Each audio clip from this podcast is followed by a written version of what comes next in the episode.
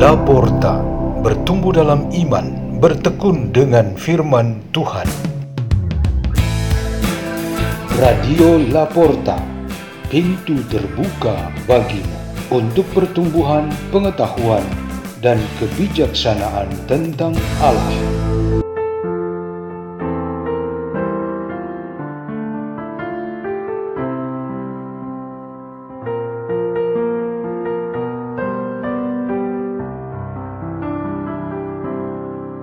Bacaan dan Renungan Sabda Tuhan Hari Sabtu Pekan ke-33 Masa Biasa 25 November 2023 Dibawakan oleh Suci Maria dan Ricardus Sersandi Jahadi dari Komunitas Pukat Labuan Bajo, Keuskupan Ruteng, Indonesia.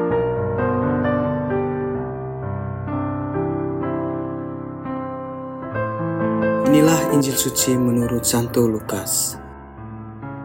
Pada suatu ketika, datanglah kepada Yesus beberapa orang Saduki yang tidak mengakui adanya kebangkitan. Mereka bertanya kepada Yesus, "Guru, Musa menuliskan untuk kita perintah ini: Jika seorang yang mempunyai saudara laki-laki mati meninggalkan istri, tetapi tidak meninggalkan anak, maka saudaranya harus kawin dengan wanita itu." Dan membangkitkan keturunan bagi saudaranya. Ada tujuh orang bersaudara. Yang pertama, kawin dengan seorang wanita, lalu mati tanpa meninggalkan anak. Lalu wanita itu dikawini oleh yang kedua, dan oleh yang ketiga, dan demikianlah berturut-turut oleh ketujuh saudara itu. Mereka semuanya mati tanpa meninggalkan anak. Akhirnya, perempuan itu pun mati. Bagaimana sekarang dengan wanita itu? Siapakah di antara orang-orang itu yang menjadi suaminya pada hari kebangkitan? Sebab ketujuhnya telah beristrikan dia. Berkatalah Yesus kepada mereka, Orang dunia ini kawin dan dikawinkan, tetapi orang yang dianggap layak untuk mendapat bagian dalam dunia yang lain itu dan dalam kebangkitan dari antara orang mati tidak kawin dan tidak dikawinkan sebab mereka tidak dapat mati lagi. Mereka sama dengan malaikat-malaikat dan menjadi anak-anak Allah karena mereka telah dibangkitkan. Tentang bangkitnya orang-orang mati, Musa telah memberitahukan dalam nas tentang semak duri, di mana Tuhan disebut Allah Abraham, Allah Ishak, dan Allah Yakub. Ia bukanlah Allah orang mati, melainkan Allah orang hidup karena di hadapan Dia semua orang hidup.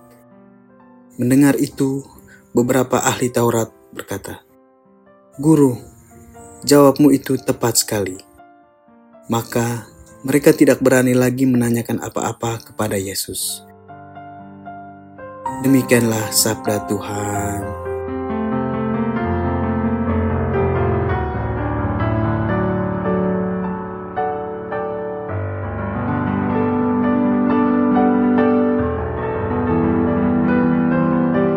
Tema renungan kita pada hari ini ialah ke arah mana hidup kita tuju.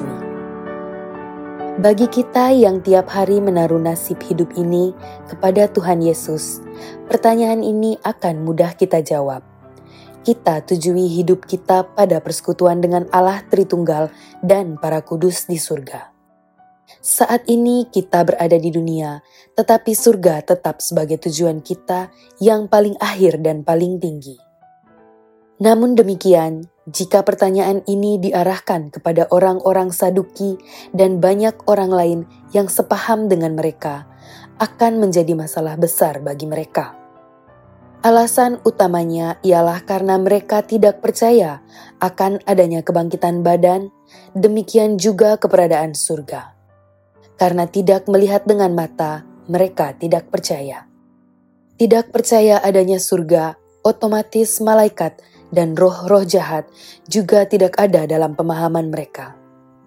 Mereka hanya percaya surga itu adalah kenyataan senang gembira yang ada di dunia.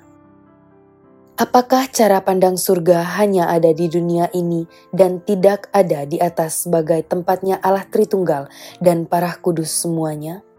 Masih adakah di sekitar kita? Atau adakah orang-orang tipe ini hidup bersama dengan kita? Kita yang mengikuti renungan ini dengan iman dan pengharapan yang kita miliki, tentu tidak termasuk kategori itu. Demikian juga seperti yang kita percaya, kita tidak mengambil resiko untuk memaksakan diri masuk ke dalam kelompok orang-orang tidak percaya dan kebangkitan badan dan hidup yang kekal. Di balik risiko itu, ialah suatu nasib bagi orang yang bertemu jalan buntu setelah melalui liku-liku hidup di dunia ini. Akhir dari semua itu hanyalah kematian dan tidak ada yang lain. Kalau akhir atau ujungnya adalah kematian, konsekuensinya ialah semangat hidup di dunia ini. Fokusnya ialah untuk menikmati dunia ini saja dengan segala macam cara dan situasinya, karena setelah dari dunia ini tak ada apa-apa lagi yang akan dinikmati. Misalnya tentang kawin dan hidup berkeluarga. Akhir dari dunia adalah kematian namun itu akan berlanjut di dalam kebangkitan sebagai para roh yang hidupnya sebagai saudara-saudari sesama anak Tuhan yang sudah tidak perlu lagi hidup seperti di dunia ini. Roh tidak bisa kawin, yang kawin itu badan. Selagi dunia kita sebagai anak-anak Tuhan, dan nantinya kita menjadi roh anak-anak Tuhan di dalam dunia kebangkitan. Tapi, apakah keyakinan kita memang sudah begitu kuat tentang ini? Mungkin yang ada adalah penasaran. Keadaan setelah mati itu seperti apa? Jawaban satu-satunya yang pasti ialah Yesus, karena hanya Dia yang telah kembali dari kematian dan berbicara tentang itu. Jadi, kita dengarkan dan ikuti Dia saja. Semua itu ada di dalam firman-Nya, dan kita berusaha membuat konkret melalui doa-doa dan semangat hidup Kristiani kita. Marilah kita berdoa dalam nama Bapa, Putra, dan Roh Kudus. Amin. Allah Maha Pengasih, kuatkanlah iman kami akan kebangkitan badan dan kehidupan kekal yang kami selalu rindukan dan doakan. Kemuliaan kepada Bapa, Putra, dan Roh Kudus. Dalam nama Bapa, Putra, dan Roh Kudus. Amin. Radio Laporta pintu terbuka bagi